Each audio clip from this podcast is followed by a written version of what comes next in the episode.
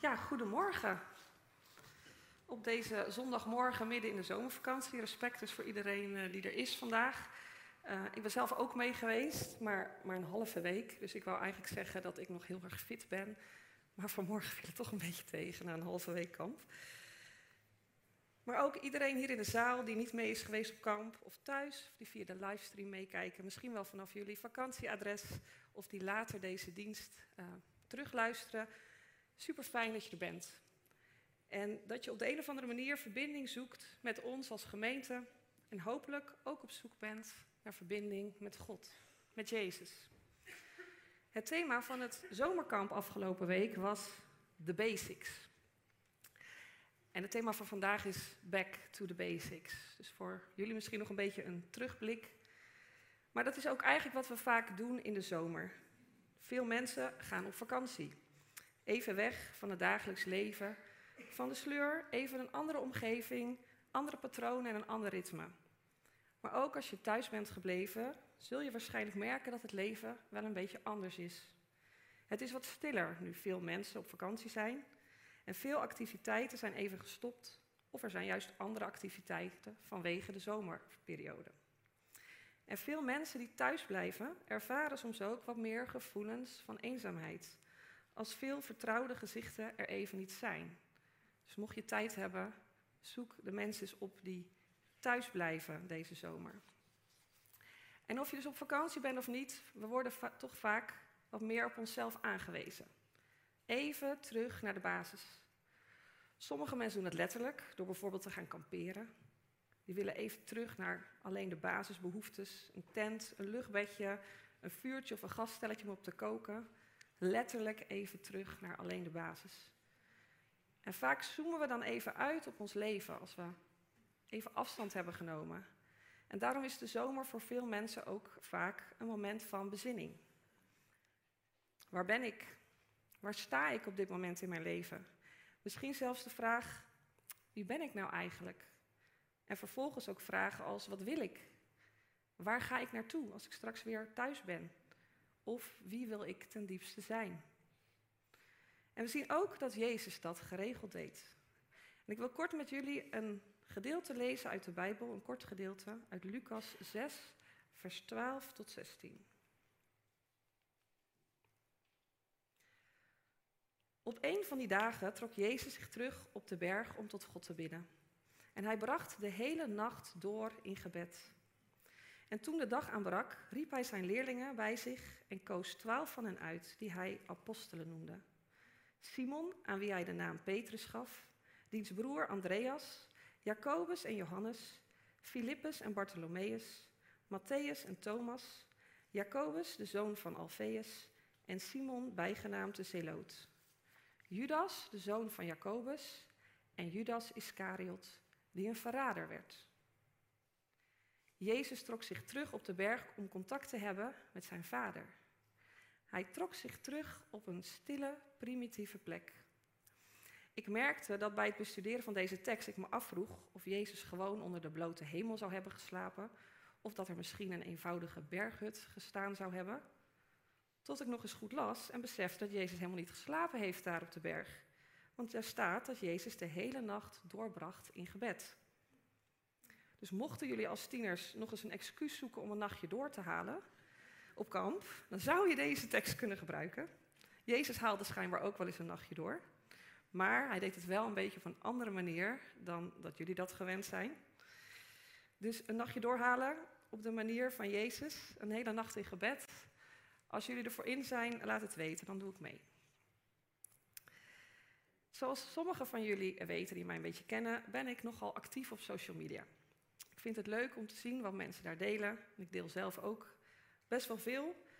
En ik vind het ook een plek waar ik vaak inspiratie op doe. Over eigenlijk van alles en nog wat. En zo stuitte ik een tijdje terug op een filmpje van iemand die opriep voor een gratis webinar om dat te volgen. En in dat webinar zou diegene vertellen hoe je in drie stappen een succesvol leven kon leiden en voor altijd van je stress af zou komen. Nou, dat, uh, dat sprak mij wel aan. Nooit meer stress, dat zou ik wel willen. Natuurlijk wist ik ook wel dat het waarschijnlijk vooral een reclamepraatje was.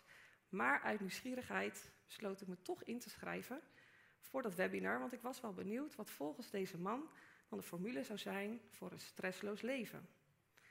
Want stress is toch wel iets wat in mijn leven steeds weer de kop opsteekt. Natuurlijk is een beetje stress helemaal niet erg. Dat zorgt er ook voor dat we in actie komen. Maar te veel stress en vooral langdurige stress is niet goed voor ons. En ik zou echt dolgraag een leven leiden zonder stress. Stress is eigenlijk gewoon een vorm van angst.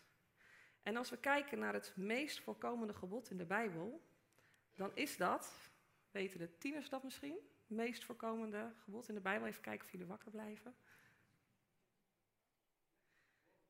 Het is wees niet bang. Dus angst, stress, het blijft voor mij en ik denk voor veel van ons allemaal vaak een onderwerp wat terug blijft komen. En waar we iets mee moeten doen, of waar we in ieder geval iets mee mogen doen. Dus ik ging naar dat webinar, ik was erg benieuwd. En deze man, hij had drie stappen. Die denk ik wel een beetje symbool staan voor wat de wereld van ons verwacht. En ik wil ze eens onder de loep nemen en vergelijken met wat Jezus zegt in de Bijbel. Sowieso begon de man in de eerste plaats uit te leggen hoeveel geld stress jou kost. In een jaar, er kwamen echt allemaal bedragen voorbij. En ik geloof ook dat het waar is, dat stress ons heel veel geld kan kosten. Maar er was in ieder geval duidelijk dat een van de belangrijkste doelen van het webinar was dat je dus naast dat je van je stress afkwam, vooral zo rijk mogelijk moest worden in financiële zin. En stressloos zijn werd eigenlijk gelijkgesteld aan succesvol zijn en succesvol zijn aan rijk zijn, in de zin van veel geld hebben. Dus je moet van je stress afkomen, omdat je dan zo rijk en succesvol mogelijk kunt worden. Dat was duidelijk het doel.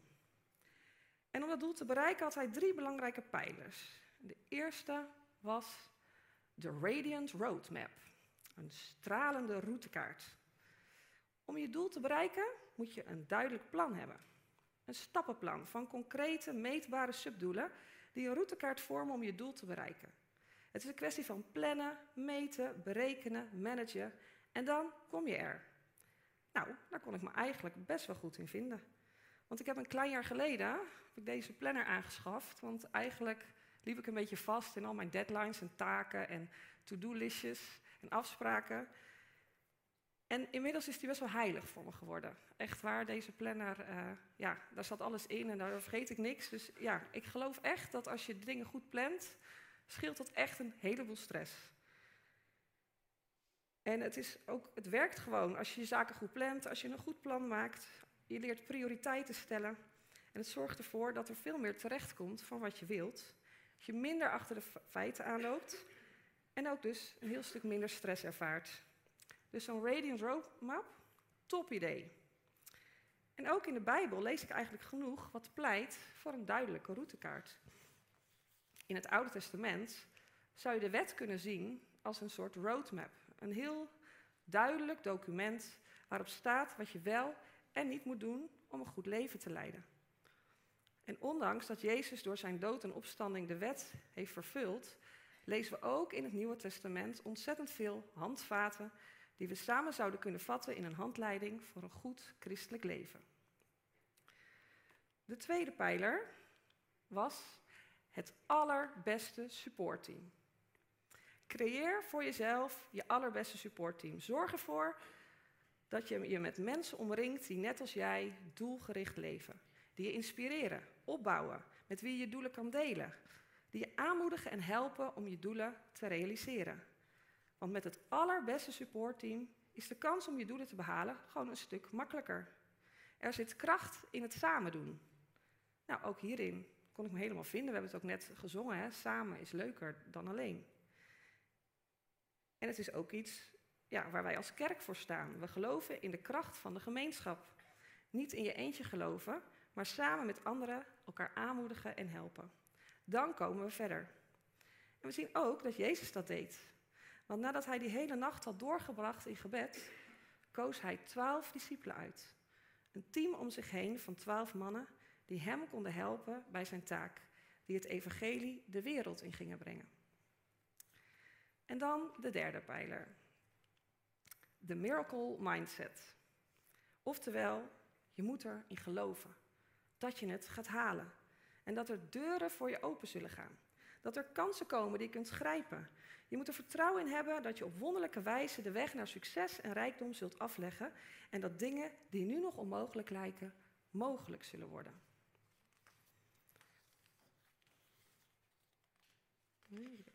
Met deze drie stappen zul je nooit meer stress hebben. Uh, eentje. Nou ja. Ja, je herkent ze wel. Ook daar kon ik me in vinden. In de Bijbel lezen we ook dat Jezus zegt: wat bij mensen onmogelijk is, is mogelijk bij God. En dat we mogen geloven in wonderen en dat we vertrouwen mogen hebben. Dus ook ja, in die miracle mindset kon ik mij zeker vinden. En toch voelen jullie het misschien ook een beetje aankomen. Voelde ik het ook wel een beetje schuren. Dacht ik toch, ja, is het dan zo makkelijk? Als wij maar de goede keuzes maken, dan zal God ons zegenen. Dan kan Hij wonderen doen in ons leven. Dus jullie voelen een beetje een maar aankomen. Al heb ik geleerd dat je beter het woord tegelijkertijd kan gebruiken. Want tegelijkertijd klopt het niet helemaal. Hoewel er heel veel goede aannemelijke dingen werden verteld, wist ik ook dat het in de praktijk nou eenmaal niet zo eenvoudig is. Als het echt zo makkelijk was om even drie stappen te zetten en daarmee in stressloos, succesvol en rijk te worden, dan hadden we dat met z'n allen toch allemaal al lang gedaan. Als we deze drie pijlers nog een keer naast het evangelie van Jezus zetten, dan zien we nog veel meer. Want als we die Radiant Roadmap nou eens leggen naast het evangelie. Ja, Jezus gaf uren vol onderwijs, waarin hij ontzettend veel vertelde over Gods koninkrijk. Maar als we nou eens de basis pakken van Jezus' boodschap, dan is het belangrijkste wat Jezus ons te zeggen heeft eigenlijk samen te vatten in twee woorden. Volg mij. Geen uitgewerkte projectplannen, geen drie of tien stappenplan, geen tijdschema's of doelenlijsten. Jezus zei, volg mij. En hoe die weg met Jezus dan gaat, dat vertelt hij niet echt van tevoren. Hij vraagt gewoon om te volgen, om hem te vertrouwen en met de dag te leven. Want Jezus vertelt niet precies hoe die weg gaat, maar hij vertelt wel dat hij de weg is. Jezus zelf is de weg die wij mogen gaan. Het pad dat we mogen inslaan, nu we terug zijn van kamp of als de vakantie straks weer voorbij is, als we ons dagelijks ritme weer oppakken. En dan het allerbeste supportteam. Laten we eens kijken naar die mannen die Jezus uitkoos om zijn twaalf apostelen, om zijn boodschappers te zijn. Jezus koos niet zomaar even toevallig een paar mannen uit. Jezus ging een hele nacht in gebed met God de Vader voordat hij deze keuze maakte. Hij had er heel goed over nagedacht. En dus zouden we kunnen verwachten dat Jezus het beste van het beste zou kiezen. De meest geleerde, sociale en betrouwbare mannen met een reputatie om door een ringetje te halen. Maar als we eens kijken naar wie dat nou zijn, dan zien we dat een aantal van hen gewoon eenvoudige vissers waren.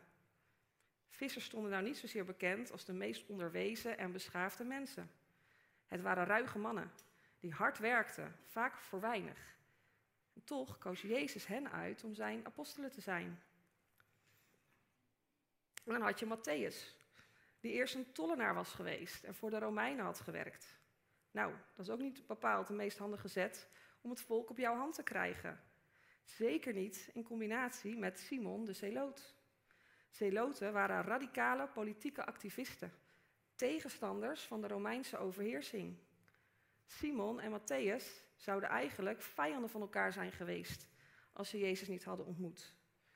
En nu zaten ze samen in het allerbeste supportteam. En dan niet te vergeten nog Judas Iscariot, waarvan Jezus op dat moment misschien al wist dat hij hem zou gaan verraden. Hij koos een verrader in zijn team. Eigenlijk dus een heel vreemd groepje mensen bij elkaar, die twaalf apostelen. En elke andere leider in de tijd van Jezus had waarschijnlijk hele andere keuzes gemaakt. Andere keuzes als hun doel was geweest om succesvol en rijk te worden. Maar dat maakt Jezus dus zo anders.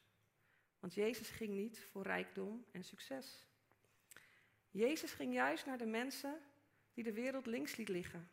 De zwakken, de armen, de zieken, de criminelen, de mislukten.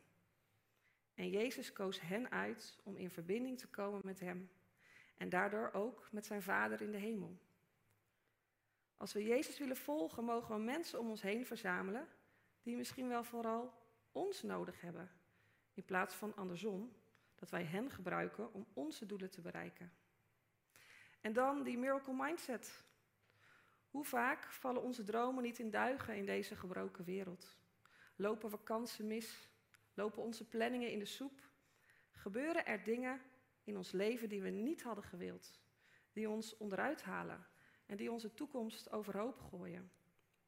En niet omdat we te weinig geloof hadden, of te weinig vertrouwen, of niet de juiste mindset. Nee, gewoon omdat we leven in een wereld die niet perfect en maakbaar is. In een wereld waarin we maar een beperkte invloed hebben en geen controle hebben over lijden en rampspoed. Een miracle mindset is geen trucje voor een zorgeloos, stressloos leven. En door boodschap als dit zou je juist kunnen gaan geloven dat het allemaal je eigen schuld is dat jij het nog niet hebt gemaakt in deze wereld. Want je had geen goede routekaart uitgestippeld. Je plan heeft gefaald en je had niet de goede mensen om je heen. Je had niet genoeg geloof, vertrouwen, niet de goede mindset. En daarom zegt de wereld nu dat jij gefaald hebt.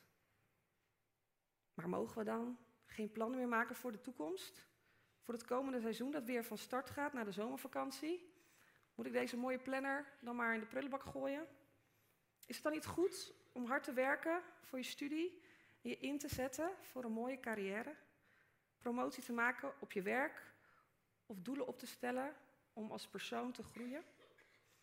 En mogen we dan alleen maar oog hebben voor de zwakke mensen in de samenleving? Mogen we ons niet optrekken aan mensen die ons inspireren en aanmoedigen? En bovenal, mogen we dan niet meer geloven in wonderen, in kansen en in voorspoed? Zoals zo vaak is het natuurlijk niet zo zwart-wit. En gaat het om de balans. Maar nog veel belangrijker gaat het om de basis. De wereld roept naar je, word zo rijk en zo succesvol mogelijk. Dan pas ben je geslaagd in het leven. Maar Jezus zegt, volg mij. Maar wat is dan het doel van Jezus? Waar gaat die weg van Jezus dan naartoe? We zien het in Lucas 6, als we zien waar Jezus mee begint. Het gaat bij Jezus om verbinding. Dat is zijn doel. Verbinding met God de Vader, via Jezus. Als we Jezus volgen, begint het altijd eerst met contact leggen met God de Vader, met gebed. Daar mogen we tijd voor uittrekken. Dan mogen we prioriteit geven. Jezus bad zelfs een hele nacht. Daarmee geeft hij aan hoe belangrijk het was. En dat het ons dus ook wel iets mag kosten. Als het nodig is, zelfs onze nachtrust. Voordat we beslissingen gaan maken, mogen we eerst verbinding zoeken met God. Investeren in een relatie met God. Dat mag de basis zijn van ons leven. En vanuit die verbinding met God mogen we ook in verbinding komen met onszelf. Ontdekken wie wij zijn. We zijn namelijk Gods geliefde kinderen. Daar hebben we het op kamp ook heel veel over gehad. Over Gods onvoorwaardelijke liefde voor ons. Liefde die de leugens die de wereld ons vertelt, ze niet mag doen. Als we ons daarvoor openstellen.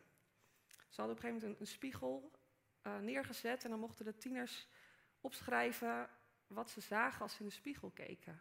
En het was echt best wel heftig om te zien wat daar allemaal op stond aan leugens die de wereld ons vertelt. En gelukkig mochten we die spiegel ook schoonmaken. Mochten we weten dat dat niet waar is. En vanuit die liefde, om te weten dat we ons geliefd mogen weten, mogen we ook weer investeren in relaties met anderen. Met iedereen die op ons pad komt. Mensen die ons liefhebben, aanmoedigen, inspireren en ons helpen. Maar ook mensen die ons irriteren, die klagen, die zwak zijn, of arm zijn of ziek, die ons nodig hebben. Als we mogen kijken naar het nieuwe seizoen dat voor ons ligt, mogen we ons focussen op onze basis en dat is onze relatie met God. Een relatie die ons vervolgens zal helpen met al onze andere relaties. En als we hier volgend jaar weer zijn, dan is Jezus in de eerste plaats niet zo geïnteresseerd in je schoolcijfers, in je promotie op je werk, je successen, ook al mogen die er zeker zijn. Maar Jezus is vooral geïnteresseerd in je relaties, in de verbindingen die je hebt gemaakt. Want bij God is alles relationeel. Ja, daar kwam ik toch ook weer op uit. Als je een doel wil hebben voor het komende seizoen, focus je dan op de basis, op je relatie, op Jezus en volg Hem. In het webinar dat ik volgde eindigden ze nog met één belangrijk iets. Ze zeiden, je moet deze drie stappen zetten, maar daarna moet je één belangrijke beslissing maken. 100% commitment. En ja, dat is zeker ook iets wat Jezus van ons vraagt. Als we Hem willen volgen, vraagt Hij om er 100% voor te gaan. Helemaal voor Jezus gaan. Met alles wat je hebt en wie je bent. Nou ja, niet zozeer voor Hem, maar vooral achter Hem aangaan. 100% commitment betekent niet dat je alles al weet. Dat je genoeg kennis hebt, dat je Jezus al helemaal kent en dat je relatie met God al helemaal perfect moet zijn. 100% commitment betekent gewoon dat je een keus maakt. Dat ook al begrijp je het nog niet helemaal, ook al weet je niet hoe de weg zal gaan en weet je nog niet precies wie je bent, waar je staat en wat je doelen zijn.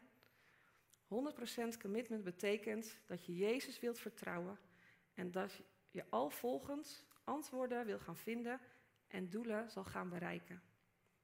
Misschien wel doelen die je van tevoren helemaal niet zo bedacht had. Maar bovenal betekent het dat hoe je leven ook zal gaan lopen. Of je nou rijk en succesvol wordt, of dat de gebrokenheid van deze wereld in alle heftigheid je leven overspoelt. Er is een basis waar je altijd op terug kan vallen, namelijk je relatie met Jezus. Hij is de weg door dit leven. Hij is de weg van verbinding, van liefde en hoop. Hij is de weg jouw levensreis, hoe dan ook, de moeite waard maakt. Want waarom zou je Jezus nou eigenlijk gaan volgen? Omdat Hij die weg gegaan is. Hij ging jouw weg, jouw weg van lijden en dood. En Hij stond op uit de dood. Hij heeft deze gebroken wereld, die altijd alles weer in de soep laat lopen, Jezus heeft het overwonnen. En dat maakt de relatie met God een eeuwig durende relatie. Een relatie die niet stopt bij de dood, maar die nu al mag beginnen en voor eeuwig mag duren. En dat maakt al onze relaties eeuwigheidswaarde krijgen. Dus een investering in verbinding is een investering in eeuwig durende liefde. En die liefde is er vandaag al voor jou. Door wat Jezus gedaan heeft aan het kruis en door zijn opstanding. Die basis mag het plan zijn voor de komende tijd en hopelijk voor de rest van je leven. En als je nu denkt, ja, ik wil 100% voor Jezus gaan, ik wil een stap zetten in geloof en vertrouwen, ook al snap ik het nog niet helemaal, dan biedt Jezus een hulpmiddel aan. Dat je kan helpen om deze stap kracht bij te zetten. Jezus zei, als je mij wilt volgen, leg dan je oude leven af en stap in een nieuw leven. En Jezus gaf ons de opdracht om elkaar te dopen op het moment dat we deze keuze willen maken. Eind oktober zal er hier in de gemeente weer een doopdienst zijn. Een moment wat je in je leven een functie kan geven als mijlpaal. Een moment waarop je terug kan vallen en waar je jezelf weer aan kan herinneren aan die 100% commitment. Niet dat je daarna nooit meer zal twijfelen of struikelen, of dat je geloofsleven dan altijd één groot succes zal zijn, maar wel een moment waar je op terug kan vallen op de basis, namelijk Gods liefde voor jou. God die een relatie met jou wil. Jezus die samen met jou de weg van het leven wil bewandelen hoe die weg ook zal lopen. Wil jij ervoor gaan? Voor het eerst? Of misschien weer opnieuw? Je zult niet bedrogen uitkomen, want deze basis is sterk en stevig. Een vast fundament voor je leven en je hoeft het niet alleen te doen. Hier in de kerk is een heel supportteam van sterke en zwakke mensen. Het gaat om de verbinding. Ga je met ons mee samen achter Jezus aan? Amen.